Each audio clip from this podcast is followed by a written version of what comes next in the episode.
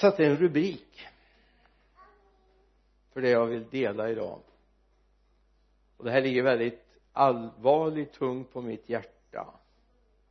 Ett kärleksbudskap men också med allvar.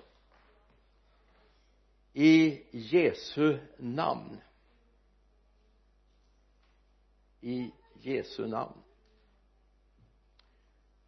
Och jag vill börja med en händelse som jag var med om själv i Mellansel utanför Örnsköldsvik i Ångermanland. I EFS-kyrkan jag har berättat om det förut. Det fanns en äh, engelsk förkunnare bibellärare som hette Ian Andrew. Eh, han eh, reste mycket på 70-talet i Sverige. Jag vet inte var han tog vägen sen. Men jag mötte honom i Mellansel när han var där och undervisade. Vi var en samling från ett stort område. Och efter det så är det en kvinna som vill ha förbön. Veckan efter ska hon gifta sig. Och hon hade ett ben som inte fungerade. Hon släpade det efter sig. Och så hade hon precis det här var på lördag kväll på lördagen hade hon varit och tränat i kyrkan i Mellansel. Lång kyrkgång. Och så har hon bara fått sån ångest. Tänk ska jag gå där och släpa benet fram när vi går fram i kyrkgången? Kan jag inte få gå vanligt? Det var ju ingen dödlig sjukdom på något sätt. Men det, det hade blivit så stort för henne. Och även för hennes mamma som hade sett henne och blivande mannen gå sida vid sida med ett släpande ben för det följde liksom inte med. Och hon tränger sig fram och vill ha förbön. Och eh, Andrews fru säger bara no problem. Sit down lägger bara handen på henne och säger in the name of Jesus. Stand up. Och det allt funkade det. Bara kopplade till i Jesu namn. Vi ska läsa en text ifrån apostlagärningarnas tredje kapitel.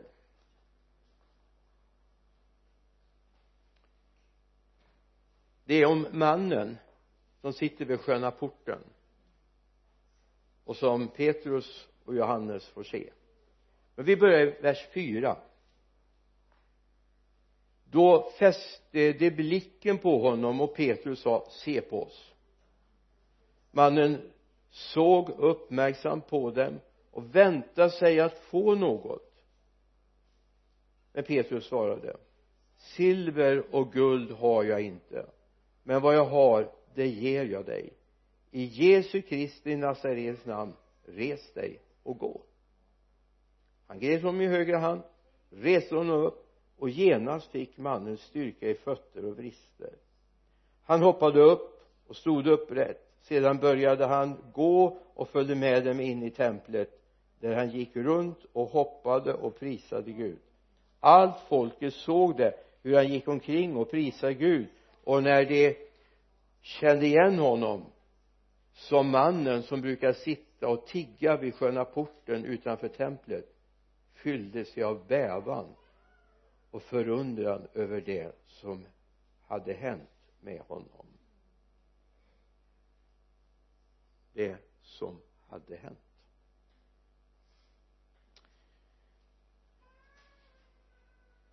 Det här är sant. Det har hänt. Det hände i Jerusalem. Det hände vid templet och det hände genom två enkla lärjungar. Alltså om man ska titta på deras karaktärssituation tidigare så var det inte mycket att yvas över. Petrus svajade i sin tro även om han sagt om alla andra överger dig så gör inte jag det. Ändå förnekade nu var han upprättad. Men det var liksom inga giganter eller enormt starka troende människor utan vanliga människor. Precis som det står om Elia som ber där på berget Karmel. Han var en man som du och jag. Ändå hände det. Det handlar inte om det det handlar om vilken legitimitet vi har i det vi gör. Det är så med vårt vittnesbörd det är så när vi ska betjäna människor i förbön. Det gäller våra liv. Med vilken legitimitet gör vi det? För att ta en bild. Jag har ju ansvar för ett antal nycklar i Lidköping. Vi har säkerhetsklassade lås så vem som helst kan inte ta en nyckel och gå till någon putte och försöka få det i ordning gjort. Utan eh, de låssmeder eller nyckeltillverkare som finns för det första är det bara ett antal som har tillgång till det, den kärnan för det är inte bara det man ser i de här nycklarna utan det finns mer i de här nycklarna. Så att det är bara ett antal som har de nyckelämnena för det andra så måste det vara en rekvisition om man ska få ta ut en nyckel. Och där har vi till och med gjort det så att man får inte ta ut nycklar utan det ska ske genom mig. Så jag ska beställa nyckeln jag ska skriva under när den hämtas ut och så vidare. Det handlar om jag har en legitimitet som jag har fått av styrelsen och ett föreningsmöte att ansvara för nycklarna i det här huset. Det har varit lite krångligt men det blir en viss säkerhet. Nycklarna svävar inte runt var som helst på byn utan bara de som har rätt att ha nycklar har det. Och jag tänkte någonting så är det med kraften i Jesu namn. Man måste ha en legitimitet. Man måste ha en värdighet. Någon som har gett dig den makten, den rätten att ha nycklarna eller ha möjligheten att be för sjuka. Att be för människor till helande. Alltså vad är det Jesus säger? Har, har inte vi botat i ditt namn? Har vi inte drivit ut andar? Och Jesus säger jag känner er har aldrig känt er gå bort härifrån.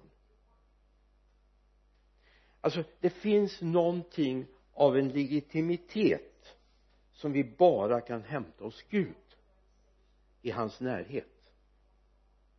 Och jag tror det är viktigt att vi har förstått det här att det är inte liksom något sånt där man bara tar, ja men ta Chevas sju söner som den här prästen du har det i 19 kapitlet i apostlagärningarna om du vill titta.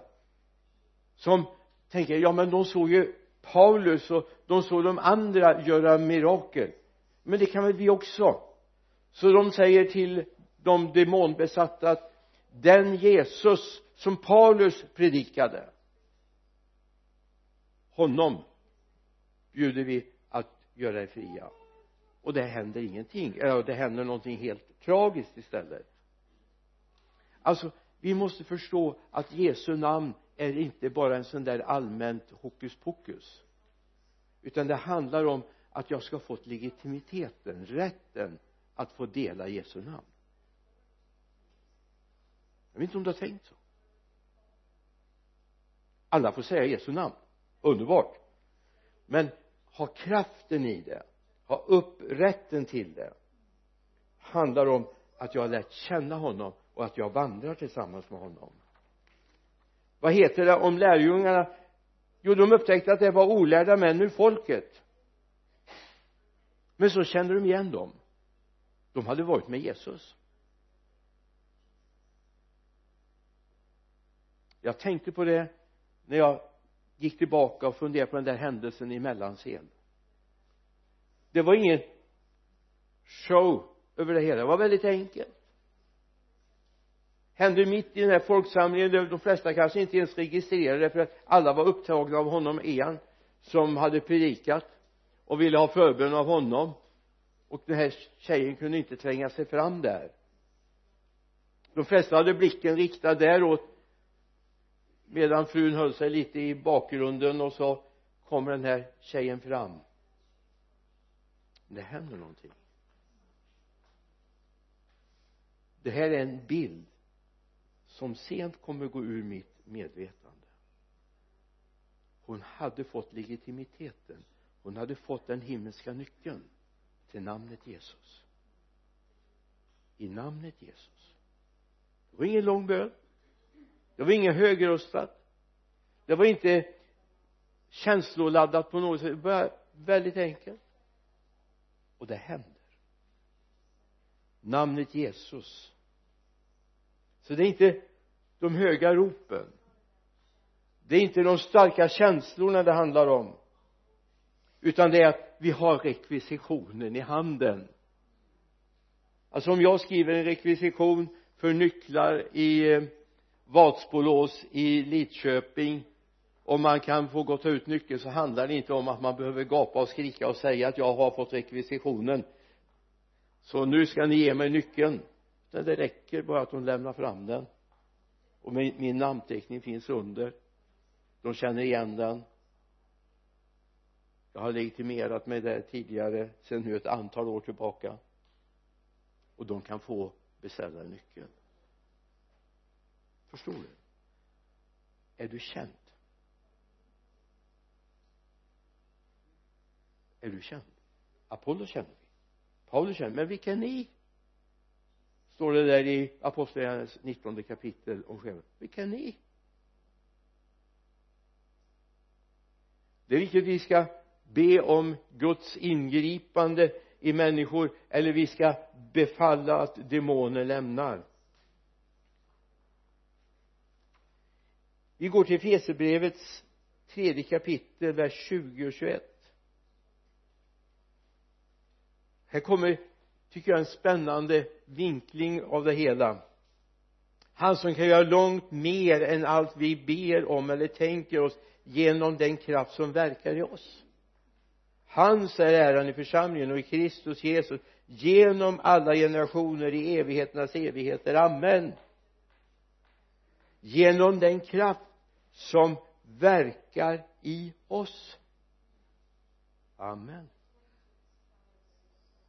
alltså han har gett oss rätten, möjligheten att få del av evangeliet genom oss. Genom dig. Förutsatt att du har fått rätten fått möjligheten eller fått rekvisitionen från himlen. Om vi tittar på Elia jag ska inte läsa hela avsnittet men du har det i 18 kapitlet i första kungaboken. Så handlar det om Elia. Han var ingen praoelev. Han visste vad han skulle göra. Men du har tänkt på det. Alltså Elia var ju verkligen verkligen en vanlig människa. Det kan vi läsa om både före och efter den här händelsen. Han var ingen sån där stark trosgestalt som jag fixar det här. Var inte bekymrad jag fixar det här. Men just då så har han fått legitimiteten från himlen. Så han kan till och med driva lite jäck med Baalsprofeterna kanske han är ute på resa eran Gud. Kanske han har gått avsides, alltså gått på avträdet. Han kanske sover. Eller han sitter och begrundar någonting. Så, så ropa lite högre och de gapar och de skriker och de ristar sig och det händer ingenting. Och när tiden för afton eller för, för eh, offertiden är inne så träder han fram och säger samlas här. Nu ska vi förbereda det här. Nu ska ni vattenbegjuta det här offret som vi gjort i ordning. Gräv en grav runt omkring och låt det flyta vatten där också. Och det står att de öser den ena krukan efter den andra över så säger han jag vet att du hör mig. Låt eld falla och så faller elden. Han ristar sig inte. Han skriker inte. Han har fått legitimiteten att handla i Guds namn. Svara mig herre svara mig så att detta folk förstår att det är du herre som är Gud. Och omvänder omvänd du deras hjärtan. Då föll Herrens eld ner och förtärde brännoffret det är vers 37 och vers 38 det till och med torkade upp vattnet som fanns i diket. Alltså Jesu namn är fantastiskt. Helt underbart. Finns inget bättre namn. Och det är i det namnet vi har blivit frälsta men om vi ska bruka det namnet så måste vi veta vem det är vi pratar med.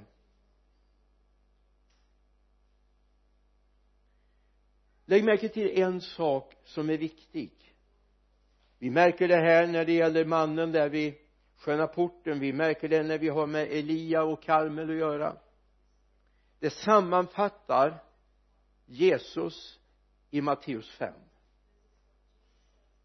det är en sån här passage som vi lätt bara glider förbi. Men i det sextonde kapitlet, eh, sextonde versen i femte kapitlet du vet fjortonde versen står ni är världens ljus. Trettonde versen står att ni är jordens salt. Så läser vi 15 och 16 för sammanhanget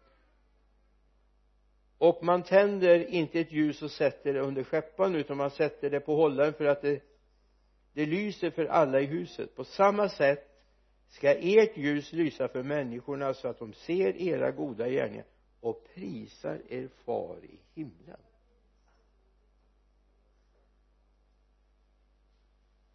Då du märke till hemligheten?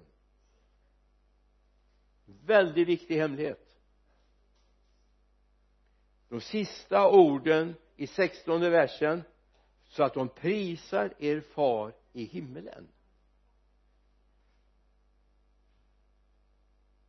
Det är så osvenskt som det kan bli så ovästerländskt som det kan bli. Vi vill gärna att människor ska prisa varandra va? Wow vad du är duktig vad du kan. Vad bra det här var vilket vi ber eller lovsjunger vad vi gör va?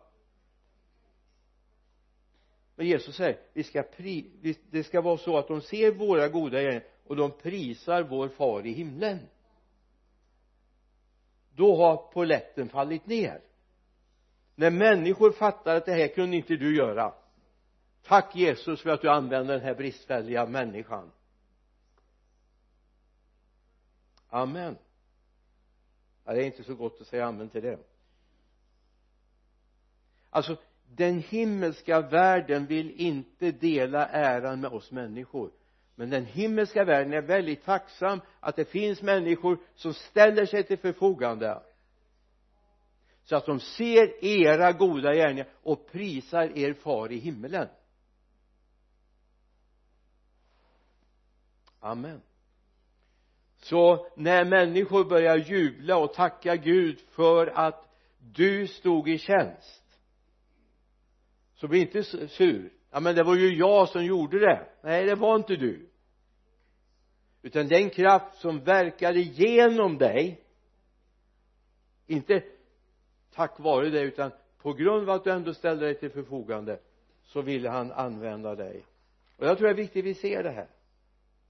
Gud delar aldrig äran med någon eller något. Vi ska vara tacksamma för honom men framför allt ska tacket gå till vår far i himlen. Då börjar vi förstå vad det här handlar om. Det är många många väckelser och börjande början till eh, andliga skeenden som har brutits genom att vi har börjat prisa varandra.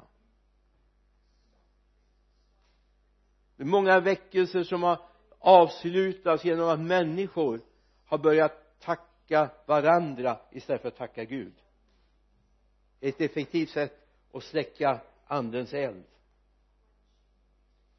I Matteus 7 jag måste bara få läsa det här samma som jag citerade förut. Verserna 21 23 inte alla som säger herre herre till mig ska komma in i himmelen himmelriket utan det som gör min himmelske faders vilja. Många ska säga till mig på den dagen herre herre har vi inte profeterat med ditt namn och drivit ut onda andar med ditt namn och gjort många kraftgärningar med ditt namn? Men då ska jag säga dem sanningen. Jag har aldrig känt er gå bort ifrån mig ni förbrytare. Vad är det att vara känd? Vill du vara känd av Gud? Det handlar inte om bekantskap. Det handlar, handlar inte om att vi vet om varandra. Det är inte Facebook-kompisar vi pratar om nu utan det är ett djupare. Alltså ordet känd är lika med befruktad av. Är du känd av Gud så är du befruktad av honom.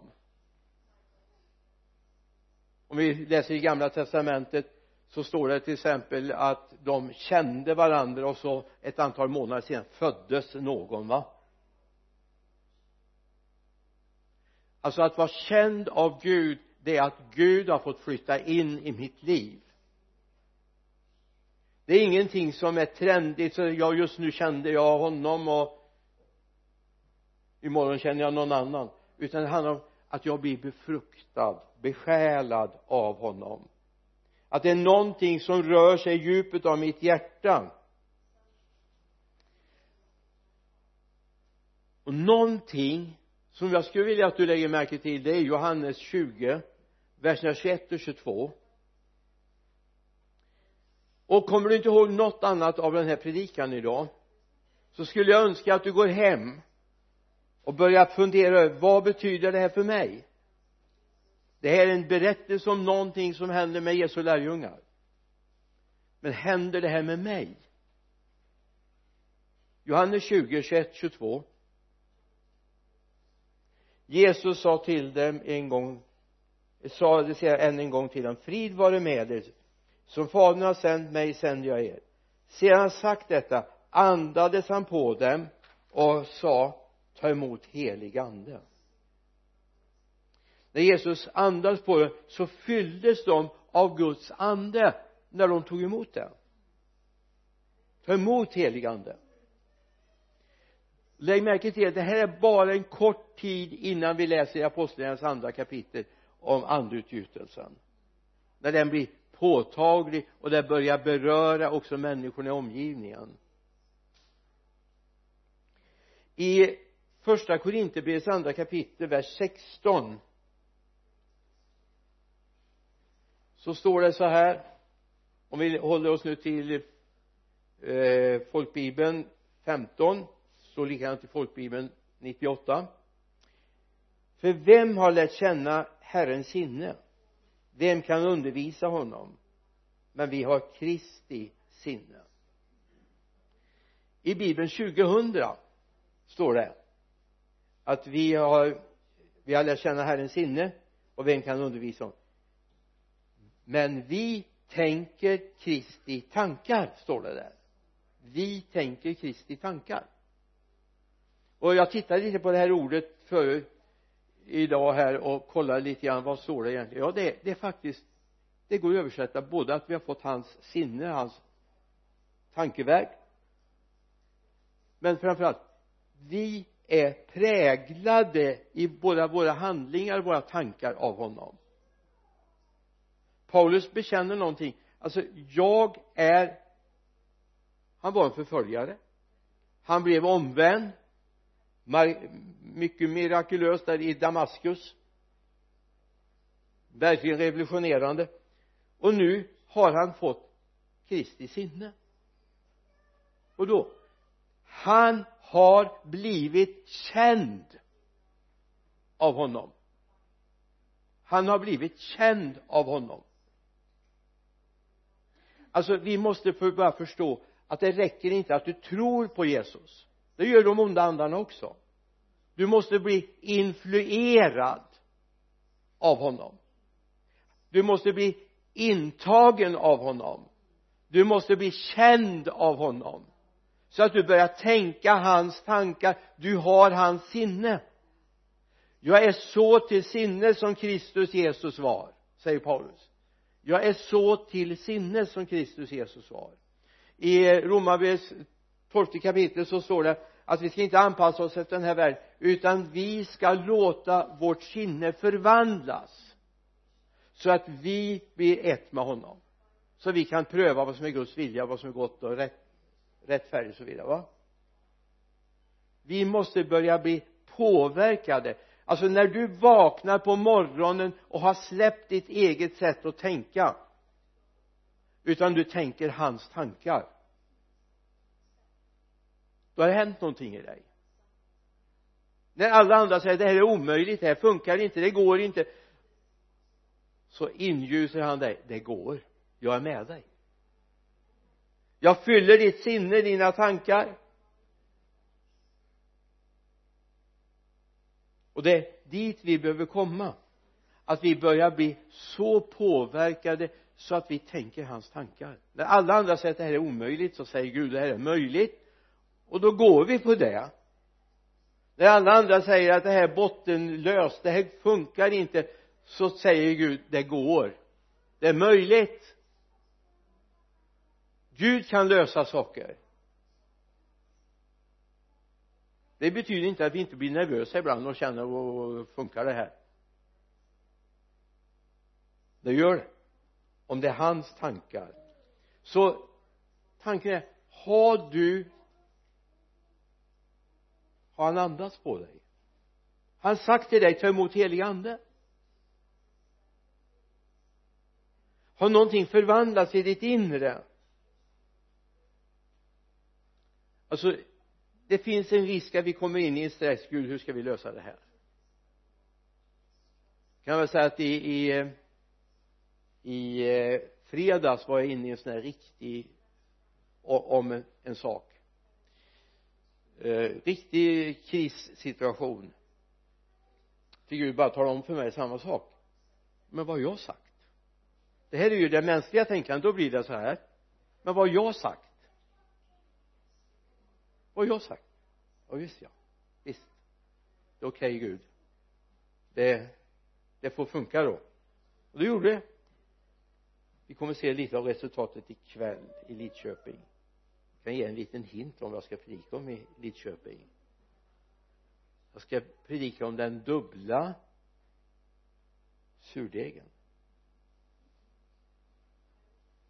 Den dubbla surdegen. Det finns två sorters surdeg. Mm. men mer ska jag inte säga nu. Det är spännande. I apostlagärningarnas åttonde kapitel så står det någonting. Du vet en väckelse i eh, Samaria. Filippos blir en av dem som blir liksom utknuffade i Jerusalem på grund av att det är förföljelse. Och det händer massa saker. Eller hur? Åttonde kapitlets inledning. Enormt spännande. Alltså demoner bara far ut och kraftgärningar händer och det blir väckelse i den staden och det är stor glädje i den staden står det. Men oj oj oj uppe i Jerusalem sitter några bröder och vakar över det här och säger hur var det nu? Blir det här bestående det som händer? Det är ju häftigt så länge Filippos är där men Herren liksom har tänkt att ja men jag ska flytta på Filippos. Han ska inte vara kvar i Samarien han ska inte bosätta sig. Han ska ner till eh, Ashdod istället så att eh, han ska inte bli kvar här. Sen fick han flytta sig på ett väldigt mirakulöst sätt men det är en annan sak. Det är inte säkert alla får flytta på det sättet. Och då när vi kommer till vers 14 så står det så här när apostlarna i Jerusalem fick höra att samarierna tagit emot Guds ord sände de dit Petrus och Johannes. Dessa kom ner och bad för dem att de skulle få den heliga ande eftersom anden ännu inte hade fallit över någon av dem de var bara döpta i Herren Jesu namn. Apostlarna lade då händerna på dem och de tog emot den helige ande. Okej okay, ska det här bli bestående i ditt liv? Ska det bli bestående i Samaria? Ska det bli bestående i Vänersborg? Ska det bli bestående i ditt liv? Så behöver någon få lägga händerna på och be. Och du får den heliga anden så länge inte den heliga ande då, då är det en kamp hela tiden. Då är det en kamp att komma till kyrkan då är det en kamp att vara med på allting som, och de har så mycket i församlingen det, det går inte att vara med där man hinner ju inte med allt och jag måste ju ha mitt eget liv också och så vidare va. Det försvinner den dagen den helige ande kommer in. Han löser det problemet. Petrus och Johannes kommer ner och får be för dem. Så att väckelsen fortsätter i Samarien. Även om dess redskap Filippos är ute med hovmannen och döper honom. Amen. Och så startas den koptiska kyrkan tror man. Som idag lider svårt i Egypten. Vi vet det jag hade rapporter från den koptiska kyrkan i Egypten häromdagen. Jag har en god vän som är där just nu. Som jag har lovat att be för varje dag under tiden hon är där. Alltså det hände någonting när Filippus eller när, när Petrus och Johannes kommer dit. De hade ett budskap, de hade ett ärende de var inte där för att bosätta sig heller. Ta hand om verksamheten nu när Gud flyttar på Filippo, äh, Filippos bort till Assad. Utan han hade tänkt att hjälparen den heliga ande skulle komma till dem. Amen. Hjälparen den heliga ande. Och det är precis den vi behöver här och nu. Eller hur? Varenda en av oss. Men då får vi upp en del av vårt eget tänkande. Petrus lever ju i den här visionen redan vid tredje kapitlet. Du kan läsa i fjärde kapitlet det är spännande händelser och det här är sant. Utan den helige ande hade inte det här funkat. Men han kommer och står där inför den lame mannen. Så säger han ja men silver och guld har vi inte pengar har vi inte. Men det jag har det ska jag ge. Hur många av oss skulle kunna stått där och sagt men det vi har det ger vi dig. I Jesu Nazarens namn stå upp och gå. Jag är rädd för att de har suttit kvar än. Men det fanns någonting i namnet Jesus som de hade fått en rekvisition från himlen att använda det här namnet de hade fått en rekvisition från himlen att bruka namnet Jesus. Och det är den rekvisitionen vi bör hämta in, eller hur? Vi skulle kunna fortsätta att tala om Filippos men vi bara konstaterar Filippos gick in i en ny fas av sitt liv när han blev utputtad ur Jerusalem. Mitt i väckelsen kommer den heliga ande och säger till honom men du ska inte vara här du ska dit ut. Men här är massa folk. Här är många som vill bli frälsta. Och så säger jag ska ut på en väg som är öde.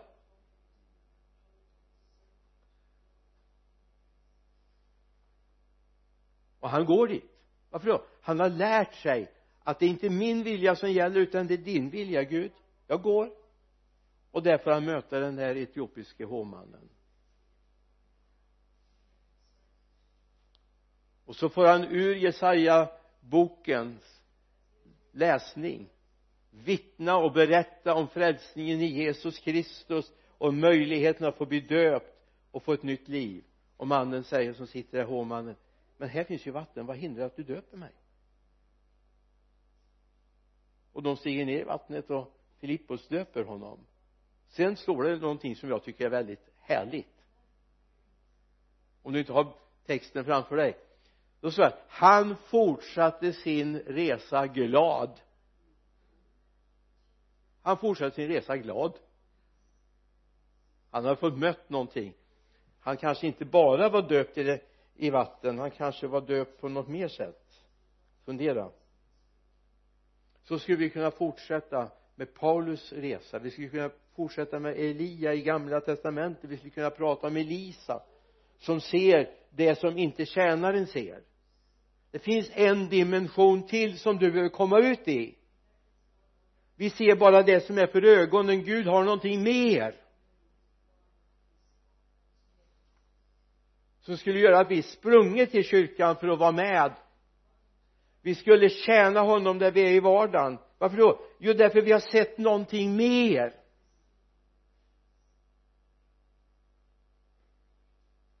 Gud verkar genom oss varför då? Han har andats på oss. Han har gjort någonting. Han har gjort någonting i våra liv. Han har förvandlat vårt tankesystem. Han har förvandlat vår kärlek. Det är inte så ofta man ser människor som är förälskade i Jesus.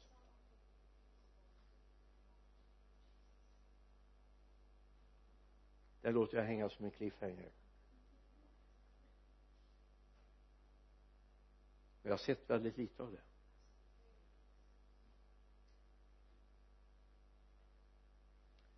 Det handlar om att du har blivit känd av honom. Att han har börjat verka i dig. Nu lever inte längre jag säger Paulus utan Kristus lever i mig. Och det liv jag nu lever det lever jag i tron på honom. Nu lever inte längre jag utan Kristus lever i mig skulle vi kunna säga det som en gemensam bekännelse? Jag ska inte be er göra det men jag bara ställer frågan retoriskt. Skulle vi kunna säga det tillsammans? Nu lever inte längre jag utan det är Kristus som lever i mig. Det är han som lever, det är han som verkar, det är hans tankar som präglar mitt liv och mina värderingar och mitt sätt att gå. Frågan jag har har du varit där och kvitterat ut rekvisitionen? Hämtat ut den? När den heliga ande börjar leda dig börjar tala till dig. Okej okay, säger du ja men jag ska jobba jag har ju mina arbetstider att följa och ja visst Gud vet det också. Men tänk att få åka till jobbet tillsammans med den heliga ande. Amen! Du alltså Gud kommer öppna ögon du kommer se helt nya saker. En del har börjat liksom lite grann skönja det här va? Du kommer se vad som rör sig i människor. Alltså Gud är så träffsäker så enormt träffsäker så du behöver varken gapa eller skrika eller rysta eller någonting utan du bara känner. Den här arbetskamraten behöver jag be för lite extra.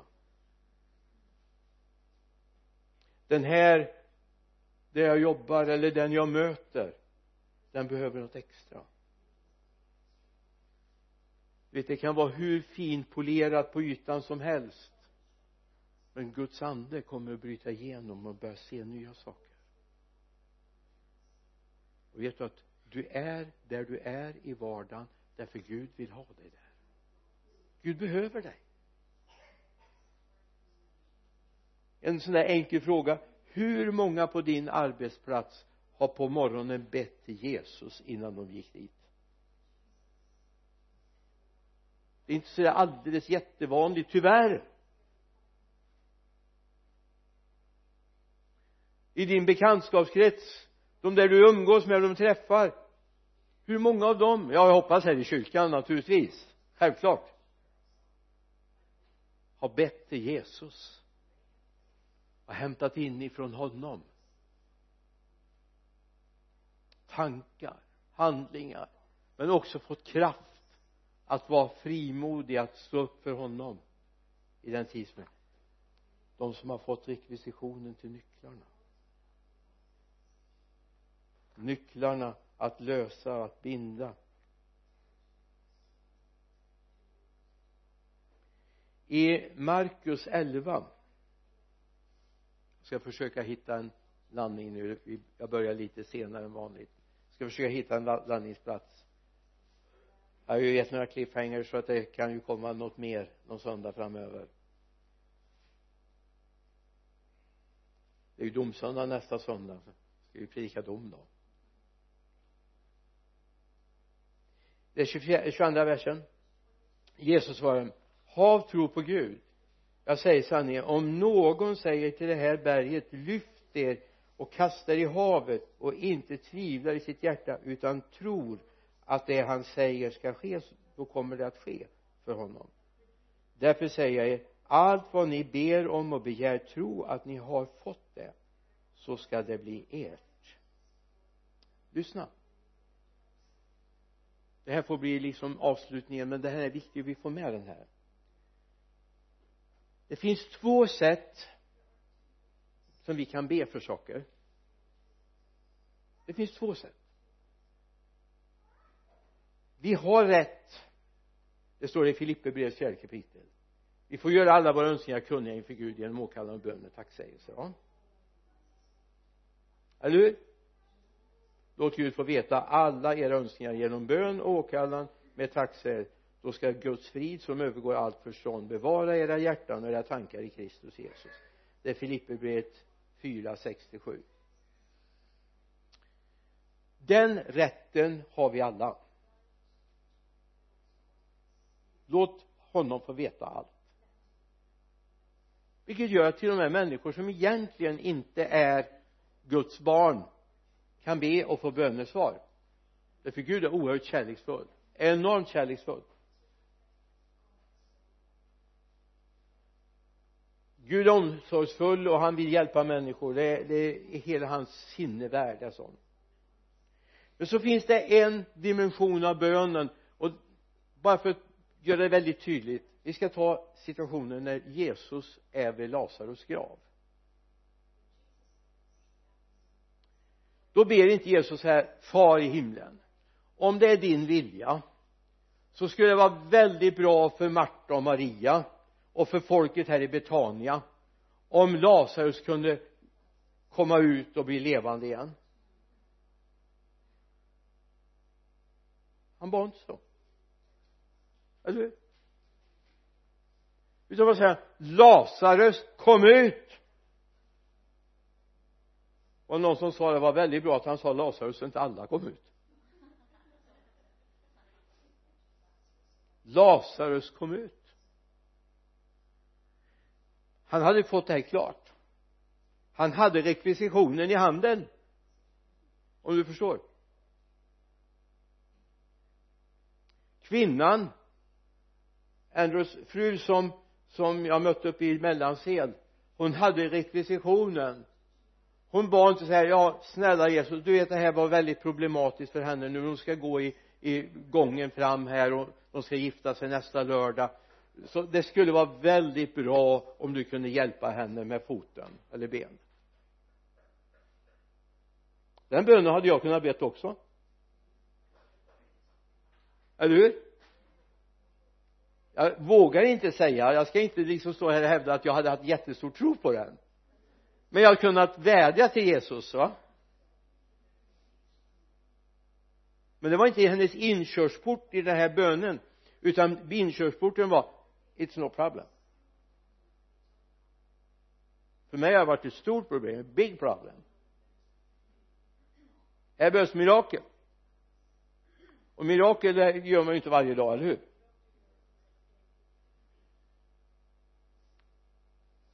Det är inget problem. Sätt dig här.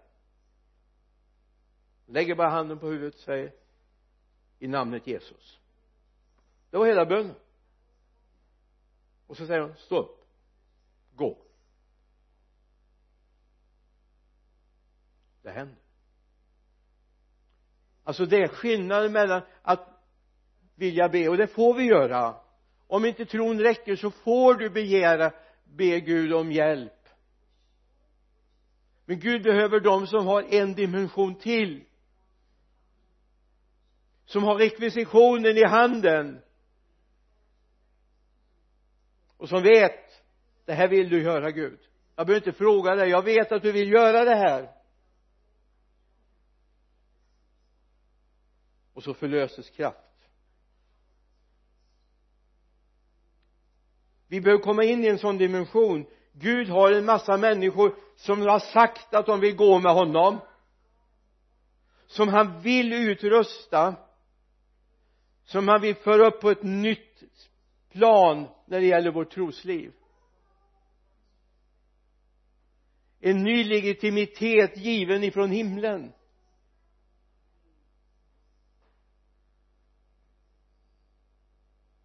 Lyssna.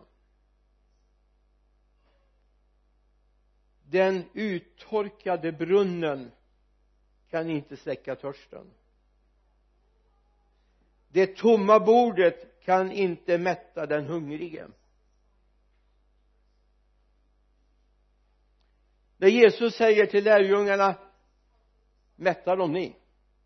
De säger ja men vi har ingenting. Mätta dem ni? Vi kan inte gå för de här pengarna och köpa. Men har vi ingenting här? Jag vill bara ta den bilden som en beskrivning på att vi kan tycka att vi är väldigt illa rustade. Vi har, ja men vi kan inte det här. Han vill bara tala om jag gör det om ni gör det ni ska vad var fem bröd och två fiskar? Det är inte som prästen som talade i, i en SVT-sänd gudstjänst. Han talade om de här stora fiskarna som eh, gjorde att han kunde dela upp så att det räckte till alla de här 5000 plus kvinnor och barn. Jag såg en kommentar. Det finns ju möjlighet att skriva kommentarer när det är dags ut på på playfunktionen. Den killen som bar de fiskarna måste varit Stålmannen.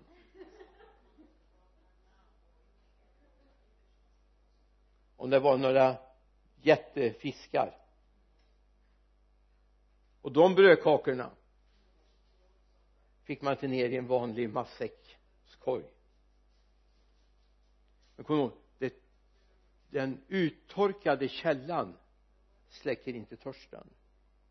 Det tomma bordet mättar inte. När de kommer till oss så ska det inte vara till den tomma brunnen. Det ska inte vara till det tomma bordet. Det ska vara till honom som har gett oss rekvisitionen. Förstår du? Han andas på dig. Så slutet på den här predikan är bara att jag vill säga låt Gud andas på dig. Låt Gud få förvandla ditt tänkande ditt sätt att vara. Låt kärleken till Gud på nytt få blomma upp hos dig. Ha inte så många förbehåll. Att men jag måste hinna det, jag ska göra det, jag ska ha det. Gud vet.